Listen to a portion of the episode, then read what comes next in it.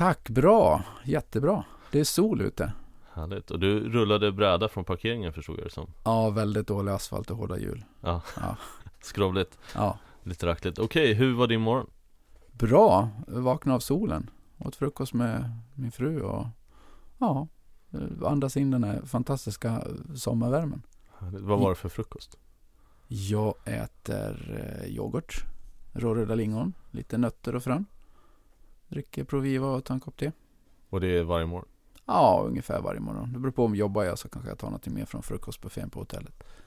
Härligt. Är du trött på frukostbufféer? Nej, jag älskar mat. Ja. Ja, Ja just det, du jobbar i restaurangbranschen. Ja kan... lite farligt men. ja. eh, hur var helgen då? Ja, bra, vi var i Dalarna i stugan och pappa fyllde 79 år och ja, träffa ja, både mamma och pappa, min son och krattat och ja, kört igång eh, stugan för sommaren. Härligt. Va- Vart i Dalarna är det någonstans? Eh, heter Bruntbo mellan Säter och Smedjebacken. En, Ah, okej. en stuga som min farfar byggde för ja, 60 år sedan. 60 år sedan. Oj. Så den kommer, den har varit med hela barndomen? Ja, jag har sprungit där naken varje sommar i 50, ja det blir 50-50 året alltså. Och du är 55 år? Ja, 54 år då. Så att, 54? Ja. Ja. Okej. Just det, blir 54, 50, 55 ja. Okej, det låter ju idylliskt att springa runt här naken på Ja, och kanske inte naken ja, nu för tiden. Så. Ja, det kanske är avskilt Ja, jag, ja. jag tänker vi kan väl gå in då på, för det, jag är ju alltid nyfiken på uh, de personer jag intervjuar kring uh, deras uh, Inte så mycket kopplat till deras uppväxt här i detalj, men mer få en känsla av nyanserna av en person över tid Mm. alltså, Och om du skulle beskriva dig, eller nyanserna av dig från att du var barn till tonåring till nu Sen har du ju vuxenlivet också kanske en massa nyanser Men i stora penseldrag, hur skulle du beskriva det? Ja, som liten var jag nog, jag är lillebror.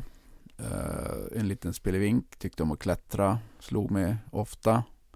Ganska blyg ändå, måste jag säga. Eh, var jag nog, eller var jag vet jag. Men eh, ja, skolan var som skolan är. Eh, hårt. Eh, slutet på 60-talet, början på 70-talet. En del retsamma kompisar såklart. Jag var minst i klassen. Det var väl så. Man försökte hävda sig men eh, ja, allt var inte lätt. Och vad var det som hände? Om du, om du vill gå in på det? Nej, det var väl att jag var, jag var minst i klassen och jag var en liten hackkyckling kan man säga. Då. Så, att, eh, så jag var väl lite blyg och lite känslosam och lätte tårar. Det tyckte de var kul. De tuffa killarna. Just det, Ja. som kanske inte var så tuffa egentligen Nej, kanske inte riktigt. kanske. Okej, hur utvecklades det sen då? När det kom mer mot tonåren och så? Ja, vad gjorde man när man, man byggde kojor och cyklade och slog sig mer och, och höll på. Jag provade lite fotboll och bandy. Mm. som var så här i Dalarna. Bandy var stort. Ja, Men eh, väldigt dålig teknik måste jag säga. Både skridskoteknik och bollteknik. Ingen riktig timing måste jag säga. Okej. Timing kommer in på senare tror jag. Ja, Men eh, jag provade sen orientering och det vart lite individuellt. Kom på att nej, men det, det beror på mig själv. Och man tränade kondition och sprang. Jag lyckades oftast bäst när det var sol ute så jag kunde springa utan kompass. Jag lärde mig oftast hur solen står så man kunde springa efter karta utan kompass. ah, det var coolt Så och det har jag fortfarande nytta av så att jag hittar ganska bra i världen. ah, okej. jag är. Så du, du hittade världen och du går i, Så länge det är sol. Ja, så länge det är sol. Och du har svårt att gå vilse i skogen då så länge det är sol också? Ja, det, jag går aldrig vilse i skogen. ah, okej. ja, Jag hörde en här för ett tag sedan som har gått vilse i Hammarbyskogen här i Stockholm Nej. Mellan Hammarby fabriksväg och Hammarbyhöjden Oj då. Ja, inte bra. Hade behövt solen Ehm, Men vart, vart i Dalarna växte du upp? I Borlänge, Stora Tuna. I Borlänge, Stortuna Och, nära, nära Rom Alpin och Rom träbana. Ja okej, just det Ja det är klart, det är mycket band, skidåkning Ja, Ja. Fotboll är väl i hela Sverige, ja, ja så. fotboll är Sverige. Men lagsport var inte min grej. Jag tycker om människor, men kanske inte tävla i lag kanske. Vad, kan, kan du beskriva vad det var du inte gillade med lagsport?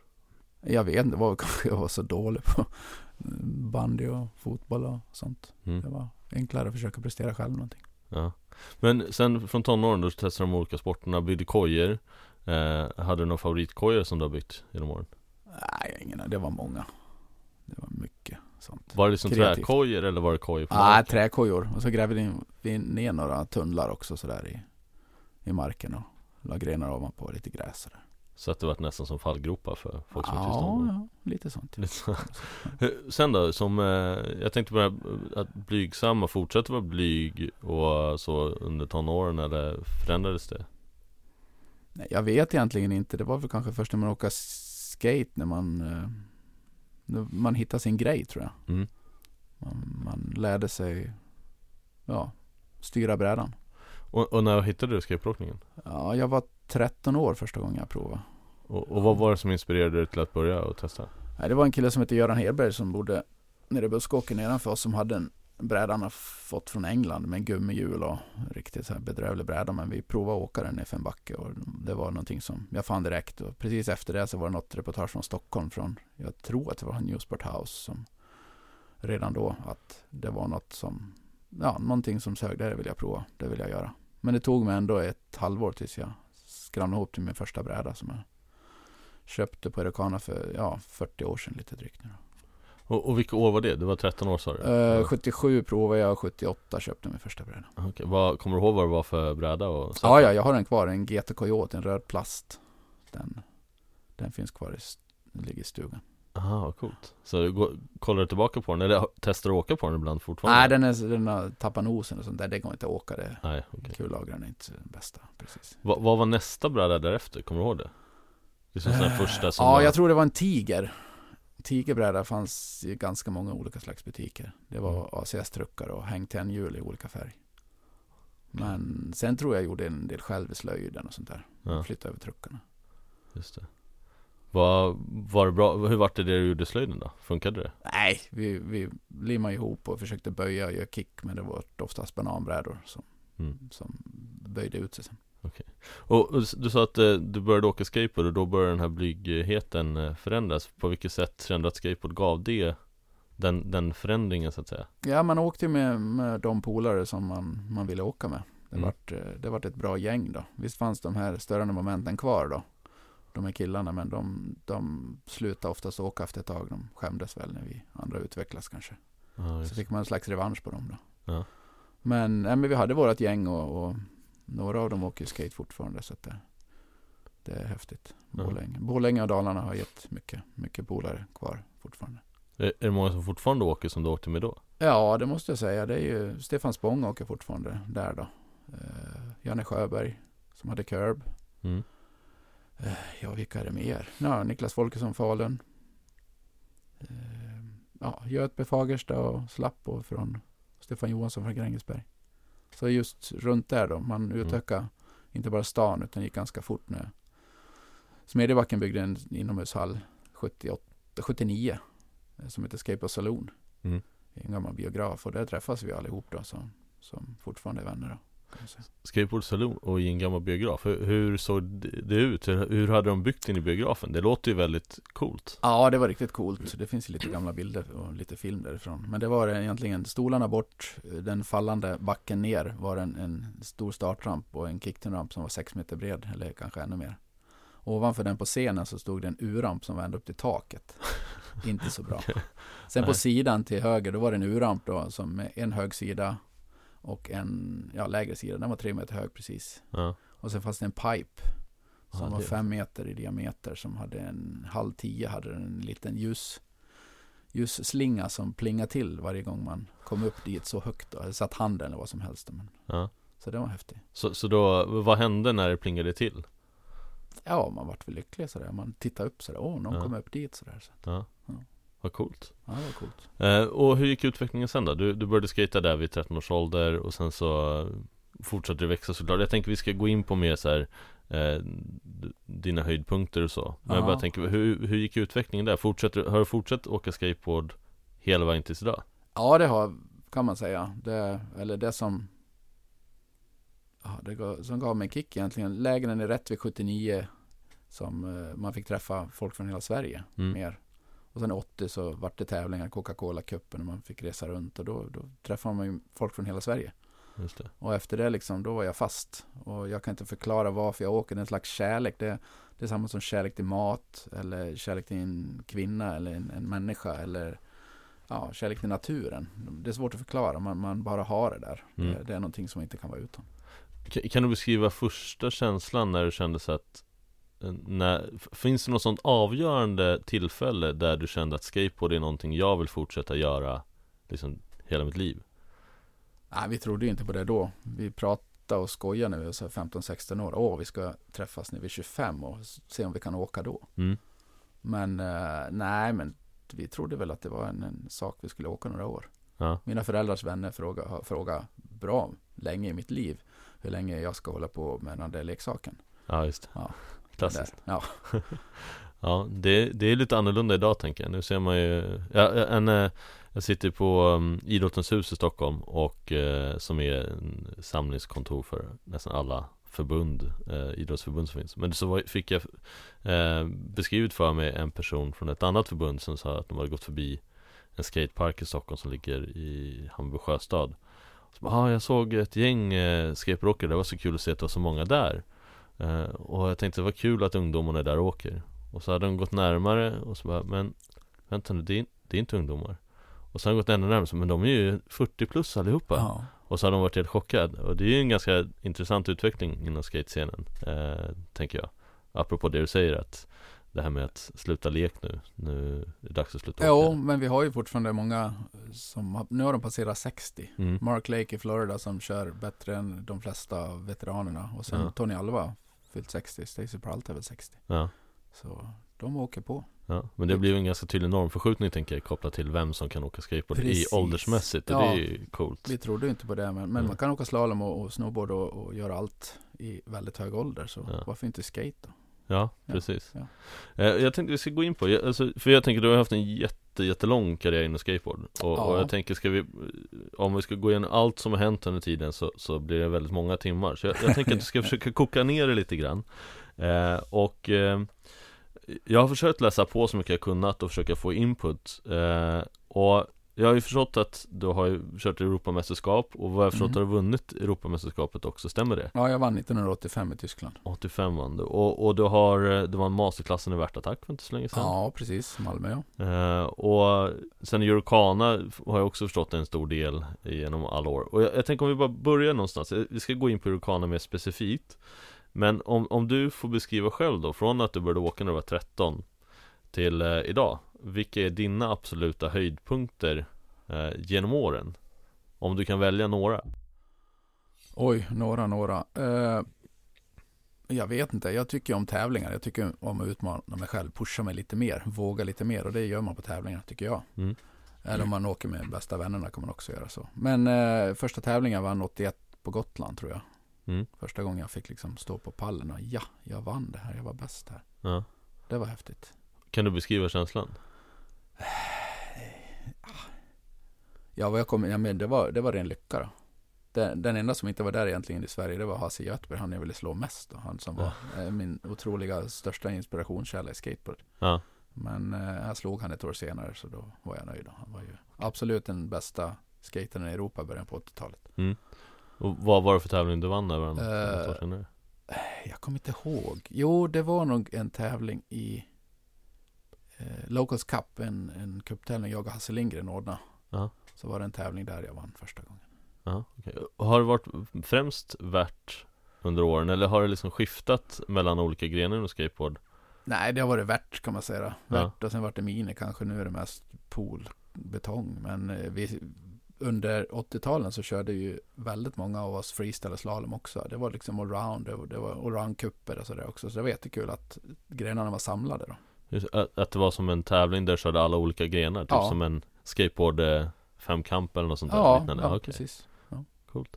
Eh, hade du fler höjdpunkter som, eh, efter, 91 var det på Gotland då som det var 91, första tävlingen? Eh, Första gången utomlands, jag och Tony Jansson åkte till England, Mm. Crystal Palace, och- på en tävling. Och eh, jag vann den, Tony Jansson tvåa. Engelsmännen efter oss. Och då första gången vi var ute och tävlade egentligen i Europa. Det var otroligt kul. Och Sverige var ganska framstående då. Engelsmännen var duktiga men, men vi hade ändå i och med lägret och, och många amerikaner som kommer till oss så har vi, var vi lite före dem just då. Mm. Just då. Just det. Samma 84 så var jag nere i, eh, då var det Scandinavian Open i, i Köpenhamn. Och då var de flesta av européerna där och den tog jag också hem då. Mm. Före Slapp och Nicky Guerrero. Men, men kan man säga att eh, skateboard egentligen var centrerat kopplat till Europa då? Och inte USA som det kanske är till viss del fortfarande nu Jo, det fanns ju, skateboarden dog ju ner väldigt mycket 1980 i USA egentligen. Ja. Men fortfarande fanns det en liten proffsscen och, och åkarna som åkte då, de som fortfarande är våra vänner där nu, de, de fanns ju där och det var en liten cupserie Pro och lite Castle-tävlingar. Och, mm. Så det, det fanns fortfarande, men i och med att proffsen kom till Europa då eh, på lägret och, och reste runt där på olika sätt, de, de fann en marknad här. Mm. Så, så behöll vi liksom spetsen i skateboard också. Här i, ja vi var, vi var några av dem som ledde skateboardingen i världen framåt, måste jag säga. Och, och du vann då den där Chris, i Crystal Palace sa du? Ja, Crystal 84? Palace och Scandinavian Open sen. Det? Okej. Och, och sen fortsätter Europamästerskapet 85 då som du vann Ja. Kan du beskriva det lite grann?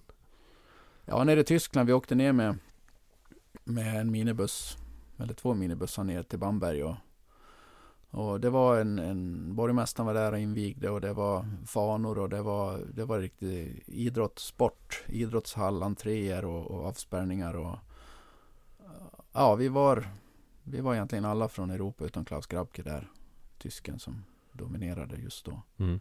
Men eh, ja, han, hade, han, han drog sig ur helt enkelt kan man säga. Så att jag är stolt att jag vann Ja. då. Men det var en, det var en bra tävling. Många svenska framgångar. Tony Jansson kom trea och Niklas Folkesson tror jag kom femma. Kommer du ihåg eh, ditt så här, vinnaråk? Eh, Var, vi behöver inte gå in i detalj exakt varje trick men en, Var det något trick där som du kände var extra speciellt?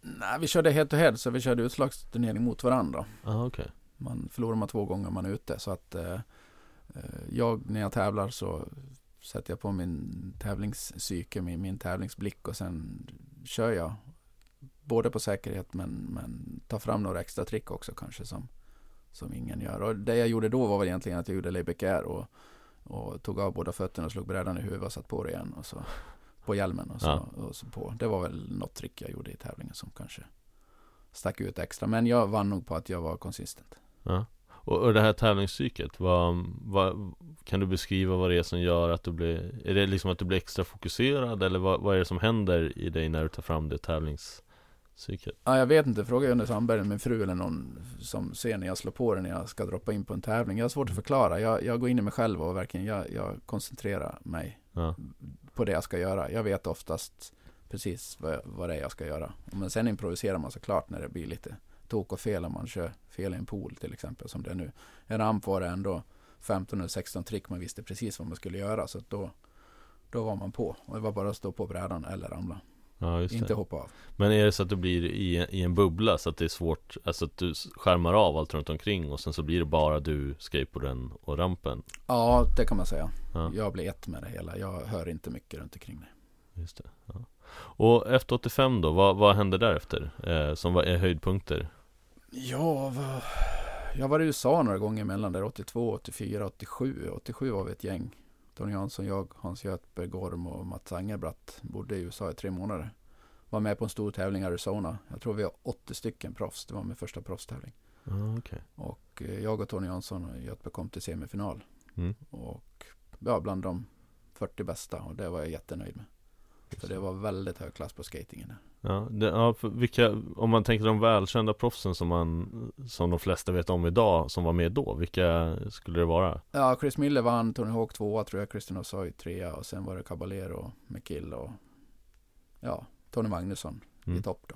Hur hur är det att ha åkt med dem? Nu har ju du varit där och tävlat mot dem så att det, det är samma nivå där Men det är ändå eh, någon slags levande legender internationellt Nu är du också en, en eh, lite levande legend eh, i, i, världen så Ja, men ändå på en helt annan nivå. Man, eh, man kunde inte mäta sig på dem där utan vi, vi, var, vi var bra men vi var inte så bra. mm. Men hur var det att skata med dem? Ja, vi började skata med dem 82 sen var ju några på lägret så att det var ju våra vänner och, och det är ju väldigt inspirerande att skata med dem. Ja Så att härliga människor. Och, och därefter då, hur har du några andra höjdpunkter? Ja, i skaten, vad ska vi säga? Nej, men jag fortsatte skata. Jag, jo, jag fick min, min modell för Titus Skates, tyska företaget, 1988. Så då fick jag min egen modell med den galna kocken på.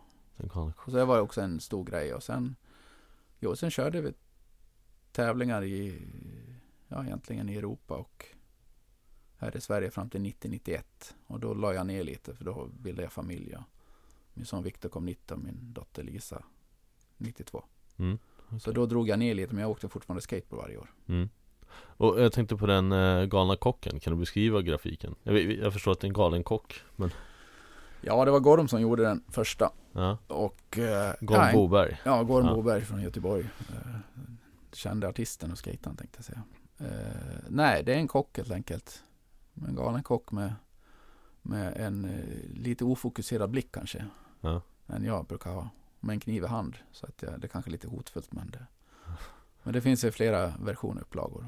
Ja, Nu kommer Titus till sommaren med en eh, reissue på den brädan. Så att det, Aha, okej. det kommer en... Okay. En liten shoutout här nu Ja, folk, 30, då. 30 år senare. Ja. Mm. Hänger den hemma på väggen någonstans eller? Ja, det finns. Det finns faktiskt sex olika modeller jag har. Eller olika grafiker och former jag har. Eh, jag har väl tre av dem, tror jag. Fyra. Just det. Men då hade du redan då börjat eh, laga mat då förstår jag? Eftersom du var en galna kocken eller kom du från någon, någon annanstans? Nej, jag började eh, som kock egentligen på 70-talet. Jobba extra Mm. eh, i Borlänge på. Eh, så- ja, vad säger man? Skära sill och skala potatis och diska på, på somrarna. Ja, Klippa gräs på en restaurang. Just det. Och sen gick jag restaurangskola 80 till 82. Då fanns det inte restaurangskola i Dalarna. Utan då var jag tvungen att flytta till Stockholm. Och tvungen och tvungen. Då fick man hit och skata. Och då fanns Newsport House. Då fanns det skatemöjligheter här året om. Det fanns det inte i Borlänge. Kan du beskriva New Sport House för de som inte riktigt vet vad det är för någonting? Jag också en gammal biograf som var eh, ett fantastiskt lustslott för, för skatare. Eller för, för, för livsstilen skateboard. Det var fantastiska målningar på väggarna. Det var flipperspel, det var café och mat, det var en skateshop, det var och sen massa goa glada människor. Sen var det ju en, en pool, en bowl inomhus. Eh, som första gången jag åkte i var det värsta jag varit med om. Och nu vet jag Peter Törnestam som Park Marshal då som stod där i väst och fick ge oss de här olika korten. Man fick då rött kort, blått kort eller svart kort. Rött Okej. kort fick alla. Ja. Blått kort då fick man åka i uran på pipe. Men Ah, svart okej. kort var man tvungen att ha för att åka i bowlen. Ah, okej. första gången man skulle droppa in i bowlen skulle en Park Marshal se det. Ah. Och jag tror att det var Peter Törnestam för det känns på hans snack. Att jag, jag åkte in och så tappade jag farten för att man körde ner i grytan. Då blev det som ett svart hål och så såg man ljus långt, långt där uppe. Ja. Och då um, sa han till mig. Hörru grabben, du får nog ta och, och träna lite mer så får du komma tillbaka till mig så får jag se jag godkänner det senare, sa han.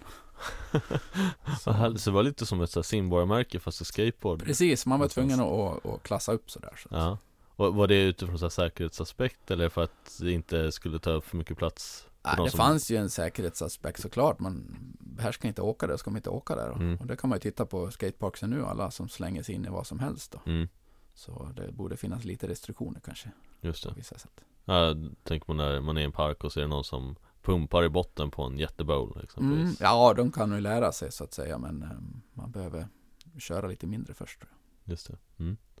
Och jag tänker det, Farm Sport House känns ju som en eh, Jag vet inte vad man ska kalla det, det känns som ett kulturmärke Eller vad man ska säga, kulturminnes grej Kulturminnes. inom skateboard helt klart Precis. eh, Kräver nästan ett helt eget avsnitt Oh ja. för det och Det finns ju dokumentärer om det ifall det är någon som lyssnar och vill Ja, 14-årslandet ja. Precis, Japp. eh, kan man leta upp. Gissa, Googla på det så hittar ni det eh, Jag tänker vi kanske kan rulla vidare till eh, Eurocana, sommarläger För det, det, det känns som att det har varit liksom genomgående en viktig del för, eh, för Skateboard-Sverige men också för dig eh, Kan du beskriva vad Eurocana Alltså när det började och vad det är för någonting och vad det betydde för skatescenen i både Sverige och Europa och världen Ja, har du I tid? stora har du tid? Har du tid?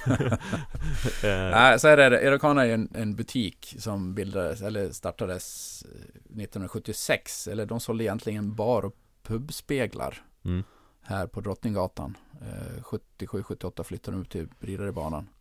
Det var ett gäng eh, skidåkare eh, som startade actionkillar på den tiden. Precis Mm. som vi är nu ungefär, fast lite yngre då. Eh, butik, de ville skapa ett läger. Eller de ville skapa ett läger. De, uh, Gogo Selin då som är från Rättvik som hade butiker, familjen Selins. valde nu när skateboard kom, för han hoppar på alla galna idéer som finns. Mm. Jag bygger en, en skatepark, så han asfalterade en yta i Rättvik eh, vid stranden. Eh, och sen hade, köpte han ju skateboards från Erocana och då kom de på att nej, vi ska ha läger. Mm. Så 79 till 82 var det läger i Rättvik. Just det. Sen eh, ja, flyttade det till Stockholm och sen vart det läger, inte i Erocanas regi utan Skateboardförbundets regi faktiskt då. då. Mm. Janus Örell, Martin Willners och Filip Willners och Hans Koreus som, som drog det tunga Mm. lasset då, då och tog över amerikaner. Just det. Och Erocana som företag la ner 83. Ja. Då har de arrangerat fyra års tävlingar på motorcykelmässan i Älvsjö också då. Mm. 79 till 83.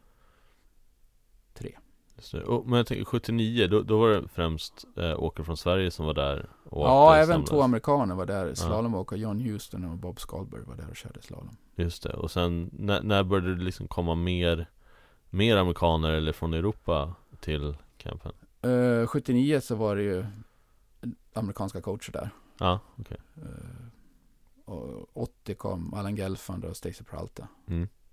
Eh, och sen Mike McGill, Steve Caballero 81, 82. ja. var, eh, Jag får för mig nu, nu, nu, det här har jag inte kollat men jag får för mig Var där Mike McGill gjorde första McTwisten? Inte i Rättvik utan 1984 i Hägernäs. I Hägernäs, okej Så i Sverige i alla fall? Ja, I Sverige. Ja, Jodå, 83 flyttades eh, campet då ja, till, Hägernäs och då var Billy Ruff och Neil Blender över och Rodney Mullen. ja, Eh, 84 kom McGill. Han ringde faktiskt och tjatade på eh, Janus Örrell att han ville tillbaka. Och okej det var väl tur det, för det var då han gjorde en av de mest betydelsefulla tricken i skateboard, alltså 540. Ja, Han var där med Lance Mountain och Rodney Mullen 84. ja okej coolt. och, och visst var det det första skateboardlägret i princip? Eh, Det var, det var världens första actionläger Ja. kan man säga. För det Ja. var inte bara skateboard, det var även rullskridskor och windsurfing och, Ja, okej och enhjuling också mm. i början. Så det var ganska multi, men sen var det bara skateboard. just det. Men, men du flyttade till Hägernäs och sen var, var det efter det du kom till Stockholm sen eller flyttade du runt? Ja, Hägernäs? Stockholm, Täby. Så, Ja just det, det är ju Ja, Stockholm, det är jag Stockholm. tänkte fel, just det Var det där det var sen? Eh, Och hur ja, länge höll du till på där? 85. Tony Hawk kom 85. Ja, Och det var då Tony Hawk gjorde första 720. ah, okej Och eh, slapp och gjorde första Stalefish, eller Egg Direct. Han gjorde Stalefish Eggplant. Och eh, Tony Hawk gjorde första Stalefishen också. ja. Så det var en ganska innovativ ramp. ja, Den var stor, det var stora böjar, det var 12 fot transition. Det var den största som fanns i världen just då. ja men, men är det radiusrampen? Det är radiusrampen som det görs en film om just nu. Just det så, Och det är samma mått precis som är på Tony Hawks ramp. ja, Och när vi träffade Tony Hawk i höstas så stod han och tittade. Han var tyst i 30 sekunder när vi la ut mallen på rampen som Ja. han gjorde första 720 på. ja, Vid hans ramp. Satt upp den och mätte så stod han bara och tittade på den. ja, Det här, det är inte möjligt, sa han. Den är så här stor. Det trodde jag aldrig. Men jag förstår efteråt att, att det var därför det var så lätt att göra alla nya trick. ja just det hade tid på sig. ja. Men ger det höjd också då, tänker jag? Att du, Ja, det var ju ingen vertikal på rampen egentligen. Utan, men ändå Billy Ruff som var där 83, han gjorde nästan en meter högre bäxa där, där än han gjorde i Delmar-poolen som han körde normalt sett i USA. Då. ja okej Och han berättade också om de med stora transition. Han var, det var svårt att köra i början, men sen förstod han hur mycket tid han hade på sig. Ja, just det Alltså som han förbereder sig, ställa fötterna rätt, ha- hamna rätt i Ja, han var Timing. rätt. Ja, och se var man ska landa, komma högre. Ja, Ja, det Landa högre upp, få mer fart. Eh, vad, vad kan du berätta om radiusdokumentären som är på gång? Eller på gång, det, det, det är inte riktigt så att den kommer i, i närtid men ganska snart Nej, men den har filmats några år och det är en story om, eh, om en ramp. Och personer runt omkring den. Och, men även en, en nutidshistoria om en, om en liten tjej som älskar skateboard. Så det kommer bli en häftig film. Ja, Många nyanser där. just det Jag får shoutout till att alla kolla på den sen Eh, Ja, då, det finns att följa på, på Instagram och på, på nätet. Och, och, och den skulle komma upp eh, på, alltså som var, vilk, var SVT eller vilka är det som Nej, svensk filmindustri är med och stöttar den. Ah, okej, Så okej. Vi, vi får se vad den, vilka medier den kommer ut i. Så att det... Just det Då stryker vi SVT så att inte någon fastnar i det Ja, precis. Jo, den kommer väl precis som den förra filmen de gjorde om Johnny och Janne. Den här, Mm. eh, Inte den helt hundra inte helt hundra. Ja. Ja, den kan ju också rekommenderas Ja, den väldigt är, den, är, den är bra. Ja. Eh, Om du skulle beskriva hur skateboard har påverkat dig som person, hur skulle du beskriva det? Ja, jag har fått mer självförtroende, en helt annan självkänsla. Eh, det, skateboard har hjälpt det, men även i mitt yrke som restauratör. Mm. Att jag, eh, ja, jag ska säga att båda har hjälpt mig. Skateboard har hjälpt mig i restaurangbranschen och, och restaurangbranschen har hjälpt mig att bli en bättre skater och person också. Mm. Att med, med fokus då, driva egna restauranger, ta egna beslut. Och eh, ja, jag har väl fått kicken att kanske synas mer än jag gjorde förr. Förut var man blyg och nu kanske man kan stå och säga vad man tycker och man inte blyg och ställa sig upp och, och synas heller. Det. Och i restaurangbranschen, ha- hade du någon restaurang fortfarande nu? Nej, jag driver? ett eget restaurangbolag. Jag hyr ut mig själv. Men jag driver nio restauranger i hotell och konferensgårdar och i Dalarna. Ah, okej. vad, vad kan det innebära när du hyr ut dig själv? Ja, ett företag ringer mig. Någon av slotten eller krogarna på norrort som, som jag tycker har en bra nivå på mat och ha en bra känsla, ledarskap alltihop. Där de får hyra mig. Och så hyr de in mig för dagvis eller veckovis. Och så kommer jag dit och, och lagar mat som den senior chef jag är. Jag, eh, jag har ändå 35 års erfarenhet nu så att jag vet hur flödet är och vad gästen vill ha. Mm. Kan, kan du ge eh, din, någon rekommendation? Vilka restauranger i Sverige borde man besöka om man gillar mat? Det, det är väldigt, det finns ju jättemånga nivåer på det men... Ja, men Sverige har blivit världsledande på mat. De har fantastiskt mycket bra Ja. restauranger. Så att eh, om jag ska nämna några, jag vet inte. Eller det är det jag jobbar mest egentligen. Det är Sigtunahöjden i, i, i, ja, i Sigtuna. Ja. Som är ett fantastiskt bra konferenshotell. Ja. Men sen är jag runt på andra ställen också. Jag jobbar Nova Park och Åkeshovs slott, Hässelby slott. Hjälper någon kompis som har catering och lunchrestaurang i Åkersberga. Men där, jag jobbar där, där det finns en bra känsla. Vad, vad är en bra känsla? Ja, men bra ledarskap, bra råvaror. Eh, där man kan se gästen i ögonen och säga att det, det här är bra. Vad, vad innebär ett bra ledarskap om du kan beskriva det? Ja, men det har väl allt med från jämställdhet med ja, schyssta villkor. Mm. Och man, eh, man levererar där det står också. Eh, Ja, fräscha, ärliga råvaror, ekologiskt tänk. Ja, bra hjärta i hela kedjan egentligen från, från gästen kommer till gästen går hem. Det ska kännas bra. Så, så hållbarhet på Håll- alla nivåer. Hållbarhet på alla Så nivåer. både socialt och utifrån Ja, maten det och miljö så. Ja. Ja. Schyssta okej. villkor.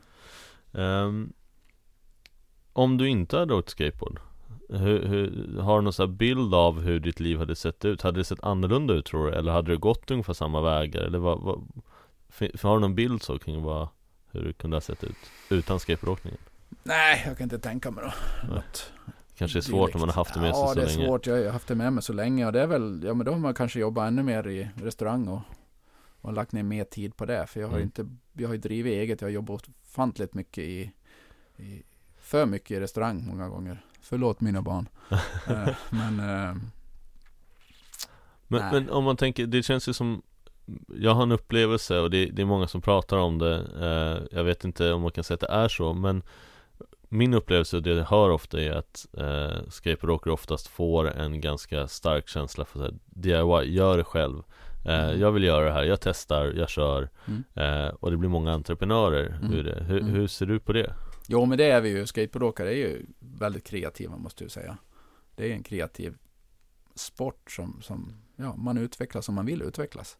Mm. Det, man lägger det på precis den nivån man vill. Men sen är ju vissa då, det kliar extra mycket i fingrarna och då vill man gjuta sin egen pool under Alviksbron eller så Mm. startar man sin egen cupserie med Hasse Lindgren som heter The Locals Cup. Eh, som vi skapar totalt själva enligt våra regler. Eller så skapar man reunion som jag gjorde, var det 2004 jag fyllde 40 år. Mm. Då har jag inte haft kontakt med dem på länge, mina skatepolare. Så bjöd jag in dem till Borlänge. Jag drev hotell, restaurang och festvåning så att lätt inhysa på hotellet, stor fest och det kom 65 gamla gubbar och, och tjejer som har åkt förr då dit. Mm. Eh, Kan du berätta lite om Euroconnor Reunion? För det är ju återkommande Ja, varje det, år det var det egentligen som startade reunion och sen, sen sa vi, jag vill inte hålla i alla år utan sen var det Stockholm, Göteborg som, och Halmstad lite som har skiftat runt om med reunions. Mm. Och Peter Backlund hjälpt till mycket med det också. Och många andra. Eh, men sen kom det för några år sedan att jag vi hade mycket material, vi hittade ännu mer material från Erocana-tiden och så tänkte jag, ska vi göra en film om det? Ska vi göra en reunion? Och, och jag har varit över i USA lite och pratat med Mike och Steve om de skulle komma tillbaka. Och sen 2016 bestämde vi att vi kör ett race i Rättvik, en riktig reunion för lägret. Mm. Kommunen stötte oss, stötte oss till fullo och några företag och sen eh, byggdes det en ramp i Rättvik, en ny ramp med gamla mått. Mm. Sen kom Mike, Steve och Kevin Stab över. Peve Linde var där. Och så körde vi ett fantastiskt stort event på stranden. Det var över tusen personer där och såg uppvisningen i Rättvik. Och det var riktigt, riktigt bra. Och efter det liksom, ja, det föddes mer tankar att vi skulle ha mer tävling och mer reunion. Och förra året så, så kom Mike med kille över igen och Rick Lopez och mm, ja, några till och körde. Och nu till sommaren så blir det en en större tävling då, Ladies McTwist Challenge. Då ska mm. tjejerna slå McTwist tänkte vi. Det är fem tjejer som har gjort det i världen men ingen som gör det just nu. Ah, okay. Vi tänkte utmana några som kommer över och gör det. Ah. Så har vi det tillsammans med juniortävling eh, första juli. Och med också en masterklass för oss gubbar då, plus 40. Just det. Och, och eh, hur ser, finns det en plan längre fram också kring vad ni vill göra med det? Eller är det Jo, vi, vi har väl också gått över, eller, eller jag har lånat ut mitt namn i Rokana till eh, Leksands eh, skateklubb då, Leif. Att de kommer att köra sommarläger mm. i sommar. Så de kör Eurocana Summer Camp eh, med ungdomar mellan 8 och 16 år. Och vi får även några riktigt bra tjejer och eh, killar från USA. Det kommer även två brasilianare nu kan jag avslöja. Ah, okay. Men inte vilka ändå. Men ah, Okej, okay. spännande. Unga, unga människor. Ja. Värld, världsklass då. Men sen har vi många svenska tränare som kommer upp dit och stöttar oss också. Som Jessica Jansson och Maite och Micke kommer med och, och, som tränare. Och sen kommer Ivan Hedberg från Le Rättvik också. Mm. Så vi kommer ha en skithäftig vecka. 24 till 29 juni. Ja, coolt. Um, om man ser på din karriär, alltså, eller om du ser på din karriär i stort. Mm. Uh, vad, vad känner du är ditt arv till skatescenen? Nu, nu har du ju många år kvar att skata Men eh, ser det inte så? Jag, jag, brukar tänka att du kan skata Så länge kroppen håller så kan du fortsätta skata jag, För egen del så tänk, ser jag framför mig 95 år fortfarande försöker rulla lite Oh, lårbenshalsen Ja, jo ja. Det kanske blir rullstol istället men, Ja, oh ja. Men eh, hur ser du på så här långt, eh, ditt arv till skatescenen? För det känns som att du har ju ändå lämnat väldigt mycket kvar i skatescenen så att säga. Ja, det hoppas jag med, med positiva ja, tankar och, och, känslor. Dela med sig till andra. Jag vill ju samla folk, det är därför jag gjort reunions också. Att, att samla folk. Arrangera tävlingar och events. Det är att folk ska träffas och lära känna varandra och glädje. För att jag, det jag har att tacka världen egentligen att jag, jag har fått rest väldigt mycket. Jag har träffat så otroligt mycket vänner som, eller skatare som fortfarande är mina vänner. Sen 1982 egentligen, när jag började resa till USA. Mm. Och det har tagit mig runt, ja, runt hela Europa. Jag har varit i Australien, jag har varit i USA många gånger. Jag har varit på Grönland och skateboard. Så att eh, så många människor jag träffat och den glädje man delar med sig. Så det är egentligen, ja, delaktigheten och det man kan dela med sig till eh, andra människor. Mm. Kärleken till skateboard, det är det jag vill dela med mig till folk. Just så det. många goda vänner som man har träffat. Ja. Och, Grönland, hur var det att på Grönland? Jo, det var häftigt. Jag blev inbjuden eh, tillsammans med Slappo här från Sverige, Micke Adolfsson, Frank Messman och Nicky Guerrero från Danmark. Skulle upp dit och köra en uppvisning i en hall. De har byggt en ramp och så var det freestyle och det var slalomtävling och det var ramptävling och så var det längdhopp. Mm. Och vi var ju där som idrottsmän. Vi var tillsammans med världsstjärnor från, från Danmark då, slagerartister. Så det var någon VM-målvakt i fotboll och det var någon världsmästare i badminton och så var det vi skateboardåkare. Det var, det var häftigt. Ja, då, ja ser du? Ja, då råkade jag också vara oartig och slå John John Peterson hette han, en grönländsk skateboardare som hade världsrekord i längdhopp. Han hade tagit Tony Alvas 5.18 rekord och hoppat 5.30. Aha, okay. Och så i tävlingen då, då slog jag hans världsrekord då, eller Guinness rekord till 5.40. Aha, är det därför Guinness rekordbok Ja, jag tänkte jag ta med den. Jag ska ta med någonting här så ja. då har jag med den. Det ligger en Guinness rekordbok på bordet här. Ja, Eh, ödmjuk nog. Ja. Eh, Men hur, eh, hur det ser ut Hur ser skateboardåkningen ut på Grönland? Jag fick någon bild av det Är det många som åker skateboard eller? Ja, inomhus eh, åker man ju skateboard på Mm. Grönland. Mm. I lagerlokaler. Det finns inte så mycket trä, så trä är ganska dyrt att bygga ramper. Men, men de har en liten skatescen. Och nu tror jag, eh, efter rapport av en kockkollega som jobbar vid huvudstaden där, Gottorp, att det finns en liten utomhuspark också. Okej, spännande Kort säsong. Ja, det kan jag tänka mig Mm. Men det är ju häftigt Grönland är väl kanske inte det, det land man tänker sig att man ska åka till för att åka skateboard Nej, inte Ja. riktigt. Men så, så ditt arv, du känner att det är just kärleken till skateboard Att lämna kvar liksom den känslan i skatescenen? Ja, att samla människor och åka tillsammans. Så att Mm. alla, alla är med. Alla får vara med. All, vi har aldrig uteslutit någon i, i den här. Utan vi har åkt med alla möjliga människor alltid. Mm. Vi har åkt med människor. Vi har inte åkt med olika slags fack på personer. Vad man nu ska säga. Upplever du att ni har gjort någonting speciellt för att skapa den miljön? Alltså, är det aktiva val ni har gjort för att skapa en miljö där fler kan känna att de är välkomna? Eller vad har ni gjort för någonting, tänker du? Vad vi har gjort, jag tror att det är en naturlig kärlek till skateboard och till människor. Att vi vill åka tillsammans och att man ser yngre människor eller vem som helst eh, utvecklas och att göra ett nytt trick. Mm. Det märks ju väldigt fort när man åker en skateboard att en, någon försöker med något nytt och sen lyckas den. Och se glädjen i dens ögon och glädjen bland oss liksom att wow, du gjorde en ny grej. Så det spelar ingen roll om man åker med Tony Hawk eller man åker med en åttaårig tjej liksom. Det är high five för ett nytt trick, vem som än gör det. Mm. Och det, det är ju ganska speciellt med hela skatescenen egentligen just att det, den här ålders övergräns, eh, äh, över, gränsöverskridande när det gäller ålder är ganska tydligt tänker jag Oh ja. vart, vart man än är egentligen i skatescenen Ja, vi har väl några olika tävlingsklasser vi, vi, vi håller oss inom när vi tävlar, men annars är det ju hela gänget som kör med. Alla Mm. kör med alla. Sen finns det väl lite avarter sådär som folk som sticker ut som tycker om att ja, varför ska de åka med oss och vad ska de åka med oss? Och tjejer ska inte ha med skateboard att göra ungefär, men det, det tycker jag bara är så jävla förkastligt. Ja vad, vad, vad vill du säga till dem? Nej, men jag tycker vi är alla skateboardåkare. Mm. Det jag, jag fattar inte hur det är, men eh, ja, de får gärna ringa mig och tycka att jag är en idiot. Kanske på dem nästa gång jag kör min pool med dem.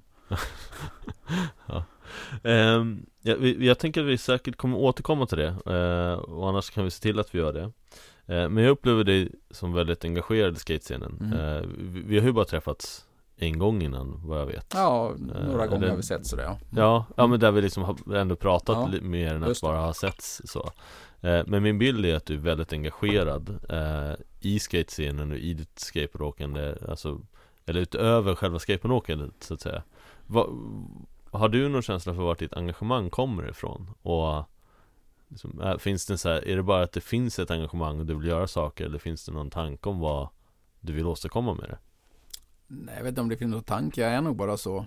Min morfar han körde lastbilar, hade eget och min farfar sålde väl hästar och bilar. Och så att entreprenörer har funnits att, och pappa har lärt mig alltid att för att få någonting gjort så måste man ta beslut och göra det istället för att sitta och vänta på någonting. Utan det är bättre att gå ut och göra och, och så att saker ska hända.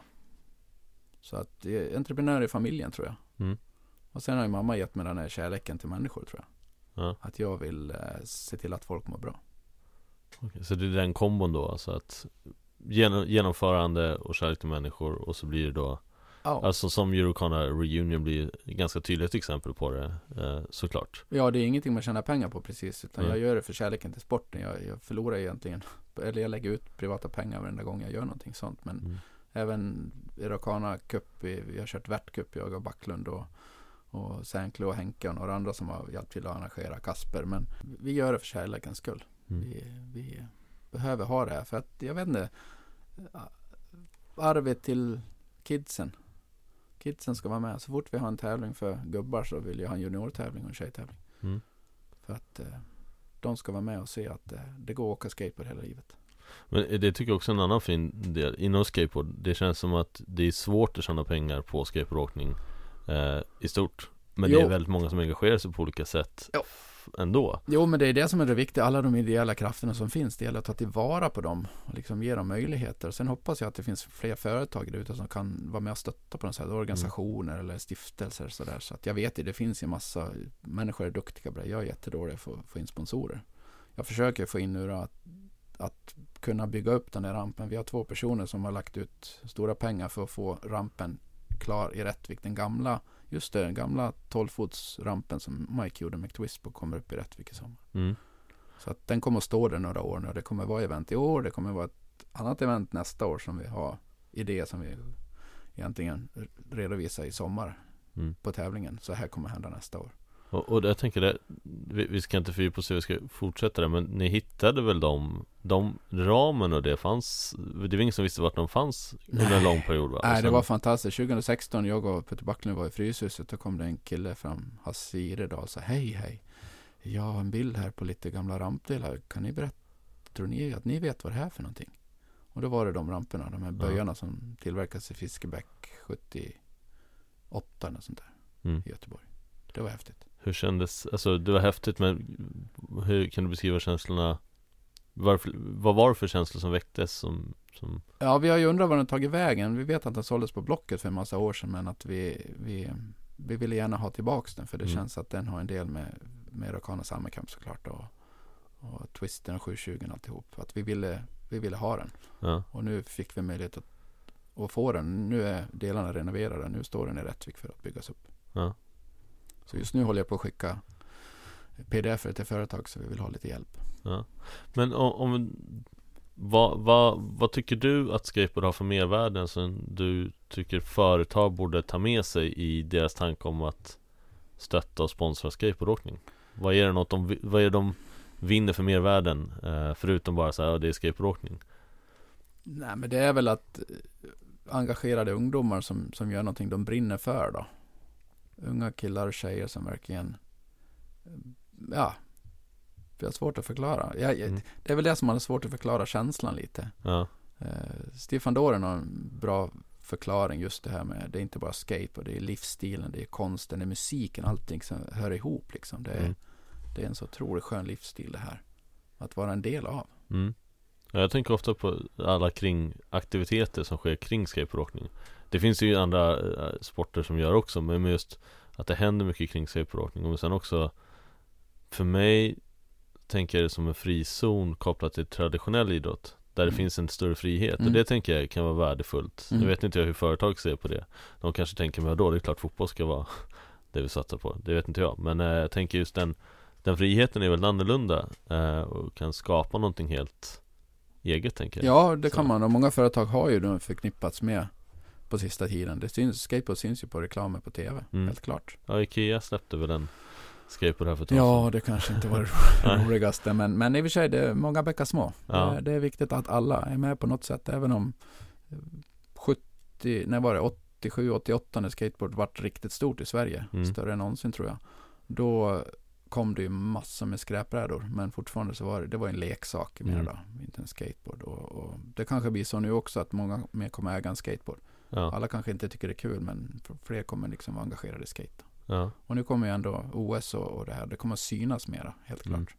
ja, det blir exponerat på ett helt annat sätt Ja. för Vad säger man? Allmänheten eller Ja, den icke-skateboardåkande befolkningen Ja, och alla vi som har åkt skateboard under alla dessa år har ju en del i att det blir OS nu också. Jag, jag är för OS, jag tycker det är bra ja, för att det, det sprids, det seriositeten i skateboard syns ju då också. mm. Sen finns ju avarter, de som tycker det ska vara underground och de, man ska inte tävla och man ska göra som man vill. Och det, det finns en, en kultur som både är positiv för skateboarding också, men sen finns det destruktiva krafter i det hela också. Mm. Men, men ser du det som att det kommer bli Två separata skateboardkulturer lite grann eller Ja, men det är det, det är redan nu. Det har alltid funnits två. Ja, Det har ju funnits Skate and Destroy och Skate and Create. ja, Det var ju tydligt så i Kalifornien, norra Kalifornien med Thrasher och Skate and Destroy och sen var det södra Kalifornien med Transworld med Skate and Create och jag Mm. står för mer Skate and Create måste jag säga.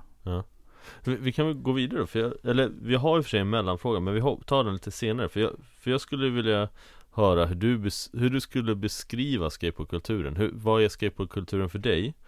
Och sen då, eh, vilka delar vill du behålla, vilka vill du dumpa och vad skulle du vilja ha mer av? Oj, oj, oj eh, skateboardkulturen för mig, vad det är för någonting. Det, är- men det är ju en, en livsstil, en känsla. Det som jag pratade om tidigare, man har en kärlek till en person, eh, naturen, mat eller någonting man älskar, konst eller musik. Så, så eh, svårt att förklara. Det, det är en del av livet, en stor del av livet, naturlig del av livet. Ja. Och om du tänker ut ett utifrån perspektiv Om du skulle beskriva det för någon som aldrig har kommit i kontakt med skateboardåkning hur skulle du beskriva kulturen då? Skulle du beskriva på samma sätt eller skulle du skriva, lyfta fram andra delar då? Nej, men jag skulle nog försöka dra liknelser med, med andra saker man älskar. Ja, Det tror jag. Att, eh, men även som idrott, som motion, att man, man rör på sig. Man, man, man känner att kroppen får röra på sig. Sen är det också kittlingen att, att full respekt för schack, men, men det kittlar mer att åka skateboard. du tänker riskfaktorn där är lite ja, olika. lite riskfaktor. Det är Ja. väl en sån eh, DNA man har i kroppen. Ja, just det Och om, om du tänker så här vad, vad är de mest positiva delarna som du vill behålla inom skatekulturen? Som du liksom känner att det här är väldigt värdefullt för skateboard som kultur? Ja, inkluderingen, gemenskapen. Mm. Alla får vara med. Och, och hur, hur ser du att det funkar idag? Och hur ser du att det skulle kunna bli bättre? Nej, men jag tycker väl det funkar bra. Det kommer mer och mer föreningar i Sverige som tar hand om, eh, som, om alla. Mm. Sen har vi fortfarande ett, ett ansvar, vi äldre, att, att se till att det är schyssta villkor på skateparksen vi är på. Att Mm. det inte att det sker mobbing eller vad man ska säga. Att alla får vara med verkligen. Mm. Att alla får åka också. Sen är kanske jag och mitt gäng med Janne och Jonny och de här att vi är lite ivriga att åka ibland. Så vi fyller en, en park ganska fort då med, vi vill åka en, en och en halv timme och då vi snäkar ju varandra men jag hoppas ingen annan blir, blir ledsen för att vi kör lite för mycket kanske. Just det, ja. Ja det begränsad tid gör ju ibland att man blir lite intensiv i sitt Ja, jag vet inte om vi ska Ja. skylla på det, det är lite Nej. dåligt men vi, vi trissar varandra lite. mm. Men eh, har du någon tanke om vad du tror kan locka nya grupper till att börja åka skateboard? För, för det, jag tänker det finns ju När man tittar på skateboard utifrån så kan man ju ganska, ganska snabbt få en bild av vilka det är som åker skateboardåkning Mm. eh, Och ehm, Och då, då är det såklart, då kanske det är svårt att bara säga okej då Vi kan inte bara förändra det, vi kan inte tvinga folk till att åka skateboard för att förändra bilden Men hur tänker du kring att man kan locka nya grupper till skateboardåkning Trots att det kanske nu är en liksom mer Vad ska man säga, det finns en tydlig bild av vilka som är skateboardåkare idag Ja men skateboard är förhållandevis billig idrott att köra. Jag hoppas Mm. att det kommer finnas flera inomhusställen så att man kan åka på vintrarna. mm. Det känns att finns ingenting i Stockholm. Det finns jättemycket parker runt om i Sverige. Men vi har Fryshuset som nu ska bygga om och vet inte, väldigt osäker för framtiden här. Men Mm. tillgängligheten att det finns. Det finns ju parker.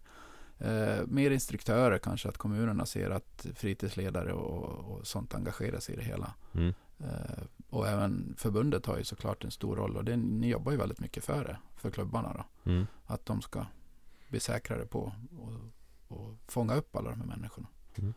Och integrationen är väldigt viktig just nu med alla nyanlända som kommer. Att, men vad heter de? Sweden Skate, vad heter de som jobbar med? Du tänker på hela Sverige Hela Sverige rullar ja. Ja. Gör ju ett otroligt jobb där också. Ja, ja, det finns lite olika Skate Nation, Hela Sverige rullar eh, Board, Boards vs Borders fanns också i Göteborg ett tag okej. Ja. eh, Så det finns lite olika, Ja. sen så Det kom ett avsnitt med Fabian som driver Hela orten rullar på Sveriges Skateboardförbund Okej. Som är att eh, det är Hela Sverige, eh, Hela Sverige rullar som har tagit fram ett koncept På hur andra föreningar kan jobba med integrationsfrågan Ja, andra Eh. föreningar som inte har med skateboard att göra? Eller Eh, nej, skateboard? skateboardföreningar. Ja. Mm. Ehm, och, och det är egentligen att då kan man ansöka om det så får man ett helt koncept och bara applicera Ah. direkt för att slippa hitta på eh, eget när det redan finns. ja, vad schysst. Ehm, men det, vi ska göra ett litet avsnitt kring det så att Ja. vi kan avvakta Mm. till dess. Mm. Ehm, men Hela orten rullar heter det projektet helt Mm. enkelt för Mm. att underlätta. Jag är lite nyfiken på vilka fördomar tror du att andra har om dig? Och hur väl stämmer de? Oh shit. Ja. Jag är nog ganska envis. Målmedveten tror jag. Ja, Eh, men ändå så försöker jag dela med mig.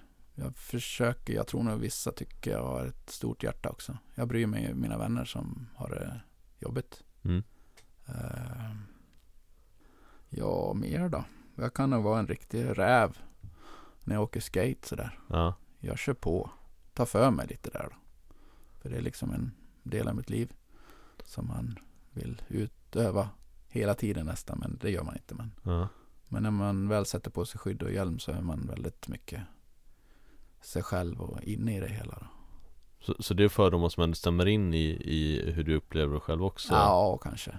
Men finns det någon fördom du känner att, eh, om, det är inte säkert att man tänker på det, eh, men någon fördom som du känner att du tror att andra har som du inte tycker stämmer? Nej, det vet jag inte. Förr var jag väl, på 80-talet var man nog ännu mera, eller ännu mera, vi snejkade nog ganska mycket mera då, var lite, mm. kanske inte prata med alla, vi var vårt gäng lite mer sådär och det var, ja, vi, vi liksom hängde ihop ett, vi var ett tajt gäng som åkte sådär och åkte runt och tävlade och sådär. Jag kände inte alla då kanske. Jag, jag kanske var lite, jag inte vet jag, och stroppe kanske.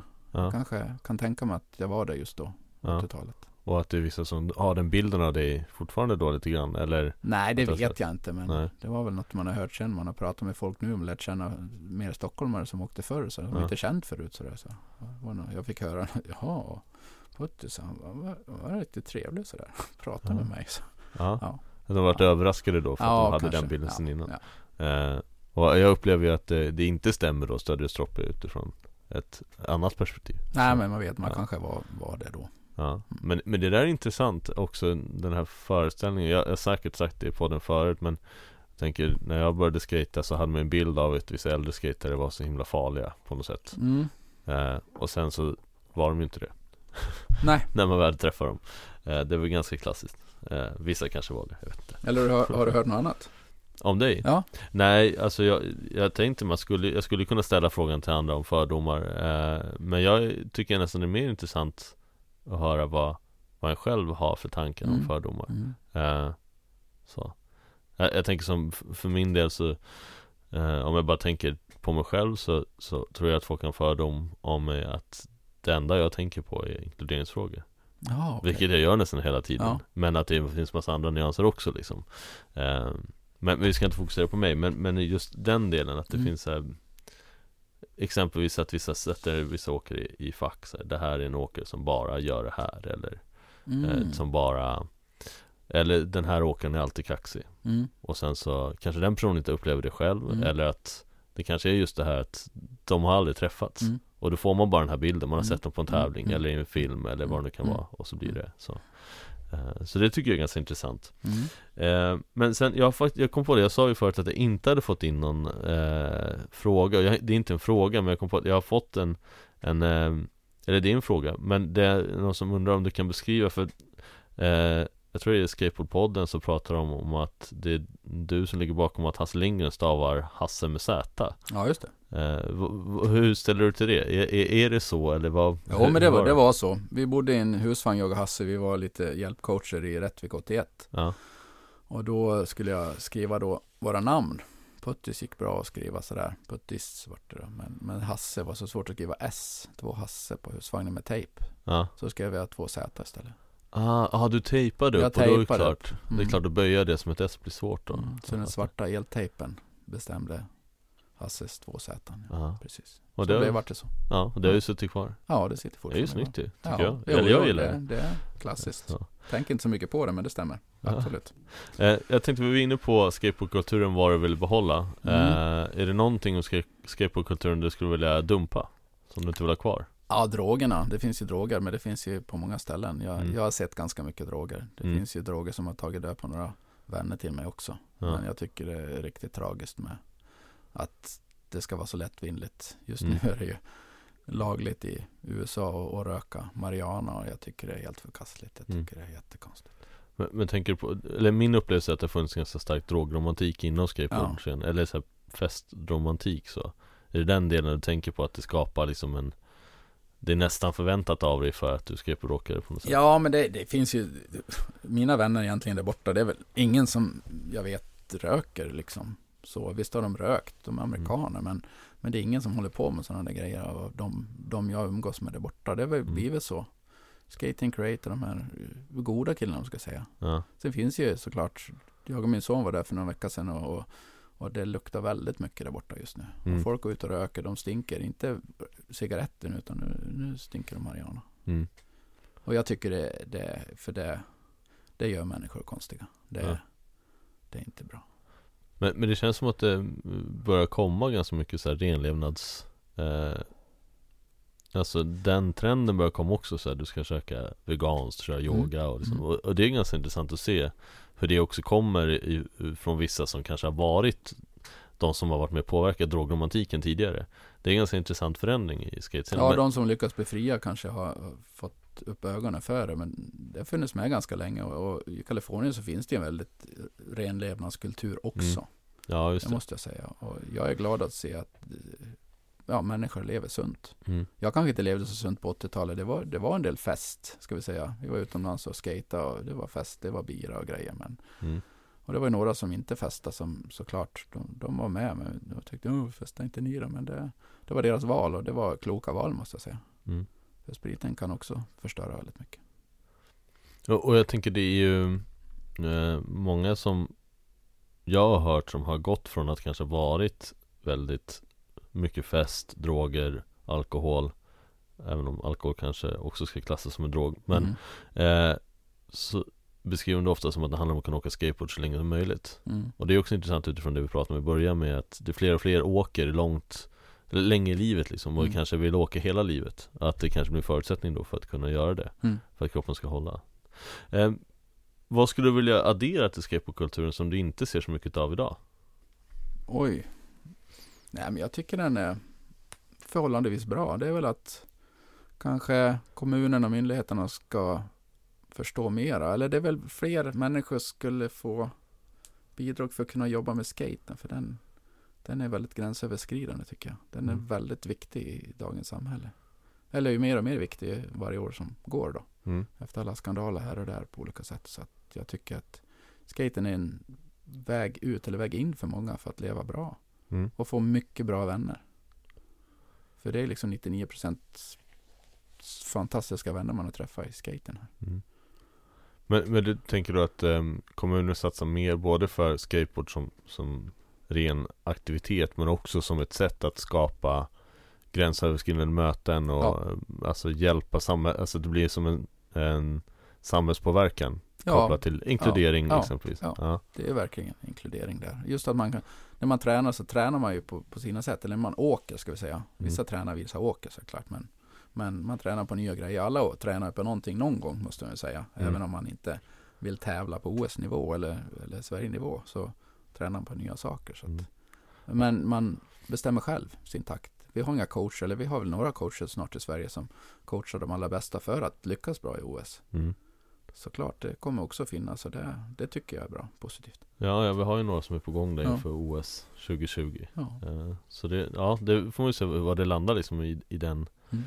Det blir någon ny, en ny del av skatescenen Mm. Även om tävlan är ju inte nytt egentligen Det, det har ju funnits och det har funnits seriösa tävlingar Mm. Jag tänker som Vans Park Series Det är svårt att se att de personerna inte är seriösa med sitt tävlande Även om det finns mycket Mycket så kultur och fest kring det eh, Det gör det Men själva åkandet tänker jag är seriöst Ja, själva åkandet seriöst. Och sen har ju Vans, Vans är Vans ska vi säga. Det, de har ju haft sina domare, sina inbjudna. Det har ju varit Mm. lite strikt Vans och eh, från nästa år när eh, rankingen sätter igång, första januari Mm. 2019, då kommer Vans att, att låta alla skata. Ja, Och sen har ju vi också, jag och några andra tillsammans med förbundet, håller på med organisationer och domarfrågor. Så att vi ska försöka också, vi vill gärna ha en domare med mm. i OS. Eller ha i alla fall en kandidat som är med. För att Sverige har tradition med mycket bra domare. ja Och vi, vi kan döma ganska bra utan att se på ett märke på, på bröstet eller på hjälmen eller på brädan faktiskt. Mm. Så, som har varit genom åren. Många, allt för många organisationer håller på i världen just nu. Vi behöver försöka förena oss. Jag tror Sverige med organisation kan göra ganska mycket där. Mm. Ja för det är väl samma sak på streetsidan eh, med Street League Ja. Där är Nike Ja. som kliver in Ja. eh, Och det, det blir ju ganska skevt Det blir ju en jävla situation hela Ja, tiden nu, egentligen nu får så. första OS gå. För nu är det ju nu är det 20 personer per gren. mm. som får vara med. Och Ja. jag tror inte nu, till Paris 2024 tror jag inte att de kommer att hålla sig på 20. Jag tror de måste utöka så att varje land har rätt att skicka någon som har en, en, någonting på rankingen att göra. Så att ja. säga. ja, 20 är väldigt lite 20 är väldigt lite och, och särskilt också Street League-grenen att, att eh, jag tycker inte man kan döma en, en man kan inte ge en guldmedalj till en person som gör ett trick just då. Utan jag tycker det behöver vara med en flyt, mera street. Mm. Åkning på riktigt. Som det Mm. var förr. Mm. Eller som det är fortfarande på vissa slags tävlingar. Man behöver ha en helhet i ett åk. Ja just det, så att de åker ett helt åk och inte har här impact section, Ja, section och allt Ja, sånt. Ja, Just. jag jag hoppas att vi kommer dit. Fast streeten har nog mer att göra än mer på den fronten för um, bowlridingen är mer tydlig, Mm. tänkte jag säga, i sina åk. Då. Mm. Sen tycker jag det är tråkigt att de kör samma åk. Mm. Många som Van Series som kör precis samma åk, tre åk. Ja, Variation och det hoppas jag, eller det har vi pratat om i domargruppen också. Det dömer vi att, att just nu är det ett åk vi dömer, ibland har vi dömt tre åk. Och ibland har vi dömt risk. Att Mm. de som chansar och provar någonting och landar och kanske ramlar, dömer lite högre. De, de satsar, de, de vågar lite sådär. mm. Så vi håller på att känna oss för lite hur vi ska rikta bedömningen i Sverige också. Ja, ja det, jag tänker att det, det är svårt. Jag, alltså när det gäller bedömning, eller det här är ju min upplevelse och min, min egen tanke om det, men att det känns som att det, det blir viktigt att bevara själva friheten i, att, i åkningen, men Mm. ändå hitta ett sätt att bedöma rättvist. Ja. Det känns som en väldigt görbar sak, men svår. Ja, eller får jag citera Hasse Lindgren? Ja, absolut. Skateboard går inte att döma. Ja, Nej, men det är som konståkning, då ska Mm. man börja köra ett visst program. ja, Ett, eh, ett fast program först och sen det fria programmet. Ja. Det, det blir väldigt konstigt. På Ja. 70-talet i USA så körde de ju, kvalet var de tvungna att göra åtta trick, samma trick. mm, Och, och från det så tog de ut de åkarna till final, då var det friare åkning. ja just det. Lite konstigt. Ja, ja, för jag har hört, lyssnat på Skateboardpoddens eh, avsnitt med Hasse Lindgren eh, Och där han beskriver, eller det är fler freestyler också som var beskrivet Men där fanns en En, eh, eh, en rutin du skulle göra Ja, i början i Ja, freestyleåkning samma freestyle som bowler. Eh, ja, Ja. Och, och Hasse kände att det vill inte han göra Nej. eh, För att det var begränsande så Ja. eh, men, men jag tänker det kanske går att behålla just det Alltså i bedömningen att det fortfarande är subjektivt Alltså att det inte Det finns inte ett rätt eller fel utan Så här vart den här gången och Ja. den här vann Ja. eh, och Det kanske inte är rätt nästa gång Nej. Behålla det även i OS tänker jag Ja, och det var kul att se i Shanghai förra året när Oskar vann. Ja, Att han vann ju på grund av sin fantastiska kreativitet. ja, För Barros körde högt och radikalt. mm, Men eh, det betalar sig bättre att vara kreativ och köra på sitt eget sätt. Och, och han vann eh, rätt förtjänt. Ja och det, det känns ju som Eller som Oskar beskrivit ett par gånger Jag har inte pratat med honom själv men När man läst intervjuer att Han tänker ut åket i huvudet Mm. Och det är ju olika åk Mm. flera gånger om Mm. Eh, För det kan jag uppleva när jag varit på eh, i, i både egentligen street och, och parktävlingar men att om du står och tittar på träningen först och sen ser du kvalet och sen så ser du en kvartsfinal, semifinal, final Mm. Det, är ganska, det blir ganska tråkigt om det är exakt samma hela vägen Mm. eh, Sen förstår jag att det är taktiskt Men det är ju väldigt befriande när man ser då som Oski Mm. eh, Som gör någonting olika varenda gång Ja, varje gång. Vad jag Ja. tycker också är roligare. Nu var jag på på Vans poolparty här och Mm. såg också den kreativiteten. Eh, De som första, ja, första tre platserna var till tre killar som åkte precis samma program. Ja, med någon liten variation på något trick. Men de som kom efteråt är otroligt kreativa och fantastiska åkare som, ja, som kommer att komma. Och jag hoppas verkligen att de kommer att inte bara döma ett åk. Man behöver ha två olika åk för att göra sig till rätta tycker jag. Som Ja. skateboardåkare.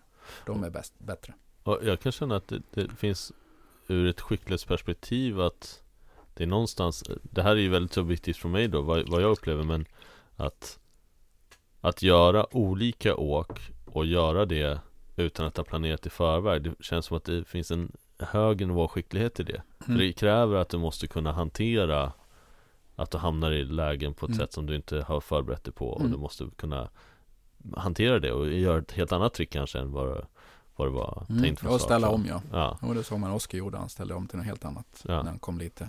ibland så kan det kännas som att han hamnar switch och så oj då får jag köra switch och sen Mm. så blir det Mm. switch. Ja. Ja men han är ju sån multigifted så att Mm. säga. ja, han Okej. ju bra street också så Mm.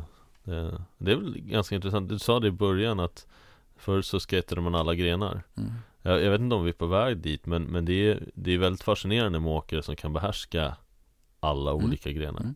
Eh, det, jag, jag får en känsla av att det är på gång igen, att man är där.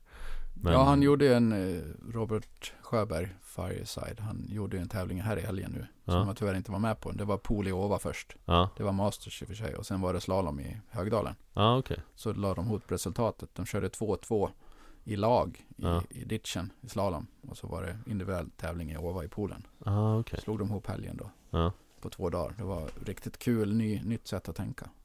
Två olika gre- helt olika grenar. Ja, ja, för det är ju väldigt olika teknik och Ja. till och med olika former av brädor att åka på. Ja, Eh, och så det lägg- måste ju inte vara det. och så men- lägg till freestyle på det också som, Ja. som jag hoppas kommer. Och freestyle är ju väldigt mycket street league. Det är ju ett klassiska svåra trick. mm. Och vi blandade i Borlänge förra året på Rekana Cup. Och då körde de en liten, två lag körde mot varandra i flätten i Värten. ja. Och då hade Lilles ett lag och så var det en annan freestyleåkare som hade ett lag. Så tog vi med streetkidsen från Borlänge då som är, som är så superduktiga. Ja. Eh, Och, och det var jättekul för då hade de sina stora brädor och provade massa flippar och konstiga trick. Och Lilles körde på en mindre bräda och gjorde Mm. ännu mer konstigare grejer. Och, ja. och liksom blanda ihop dem lite för att grunden finns ju i, i freestyle. Street League finns Ja. i freestyle och Rodneys alla konstiga flippar och ollie såklart. Mm. Men det är roligt, jag testar också ganska mycket freestyle Även fast jag åker mest Jag, jag gillar curbs Ja, jag lever. men, Ja. men jag försöker göra lite annat också eh, Jag ser tiden börja eh, rinna iväg, eller inte rinna iväg Vi har tid fortfarande Men jag, jag skulle vilja göra en grej som avslutning Du ska få ett slutord också Men jag skulle vilja göra något som jag kallar oavslutade meningar Där jag Mm. påbörjar en mening och du avslutar den Mm, Eh, och jag har skrivit ner, det, det är egentligen ganska slumpmässigt valda eh, sådana Men det är alltid intressant att se vad folk säger Så du får avsluta mina meningar helt enkelt Oj, Eh, Min favoritmat är oj, jag äter allt. Tråkigt. v- Vad åt du senast? Som du tyckte, tyckte var gott? Ooh. Jag rökte röding i, i, i lördags. Mm. Det låter gott Med en potatispuré med västerbottenost och löjrom och gräslöksolja. Det var bra. Det var typ vattnade i munnen Ja. på mig eh, Min favoritskateboardåkare är? Eh, just nu Josh Rodriguez. Okej, vad, vad skater han för, vad för sorts skater är? Ah, han kör pool. Han kom femma i Vans poolparty. Han är en fantastisk åkare för framtiden. Han Ja. ler och han kör något så för jävligt bra. Häftigt. Ja, Josh Rodriguez Ja. yes. Ska jag kolla upp eh, Om jag var statsminister för en dag skulle jag oj. Jag skulle göra, försöka göra livet enklare för folk. Det är väldigt komplicerat. Äh, Få folk att jobba mindre. Och, Mm. och, och se varandra och, och skratta ihop mer. Sex timmars arbetsdag Ja, och mer absolut. fritid Absolut. ja. eh, Det roligaste som hänt mig på, inom skateboard är Att jag köpte min första bräda och fått träffa alla de här vännerna. Det var två grejer, förlåt. Ja, det, det, Jag säger vännerna.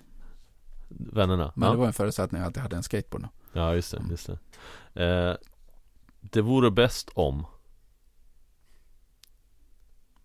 Det är lite diffust men Det vore bäst om män slutade äga världen.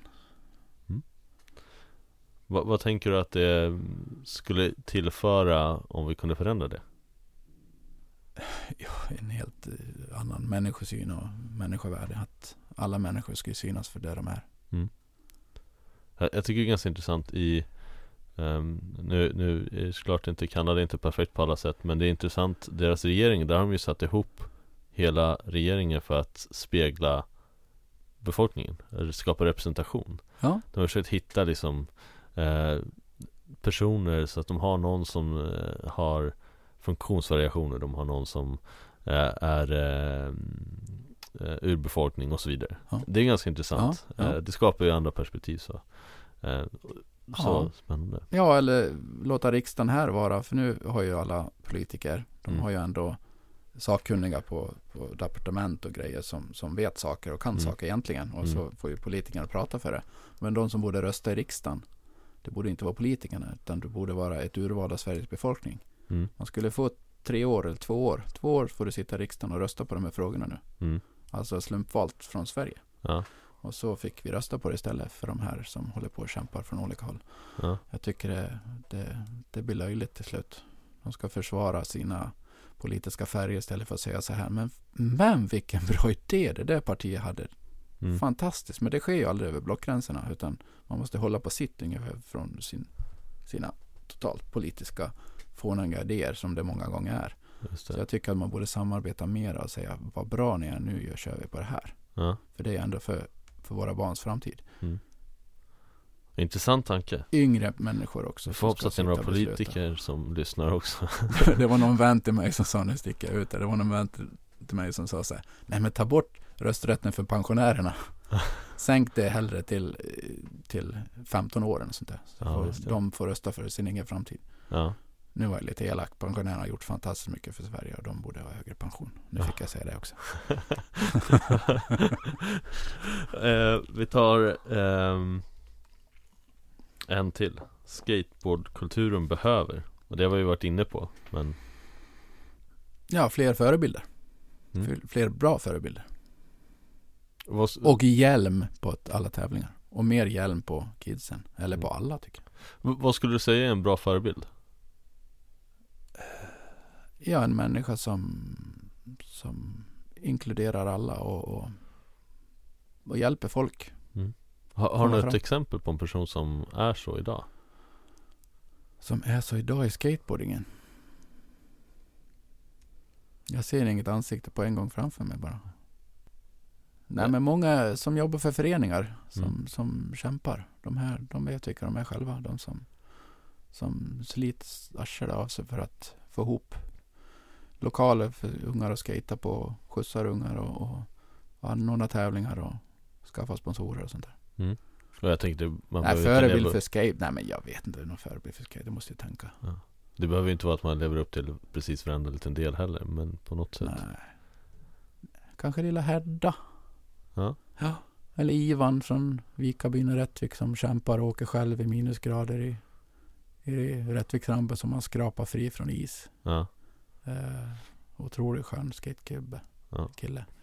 passion personifierat låter det Ja. som ja, vi åkte ju så också. Vi skrapade ju ramper. Vi eldade med bensin så brandkåren kom och undrade vad vi gjorde. Så där mitt i vintern förut Mm. i Borlänge när vi ville åka.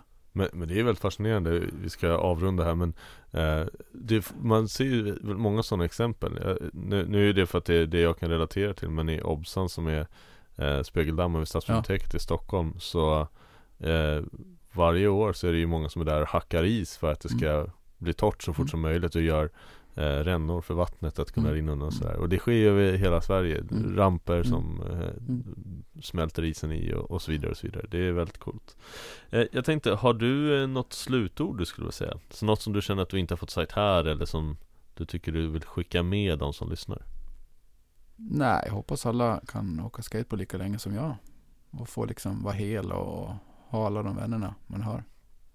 Och eh, alla vänner runt omkring en stöttar en för det man gör och det man tror på. För jag tror på skatingen. och Jag hoppas, även om man kanske inte åker hela livet, så kommer jag jobba med skateboard på något sätt.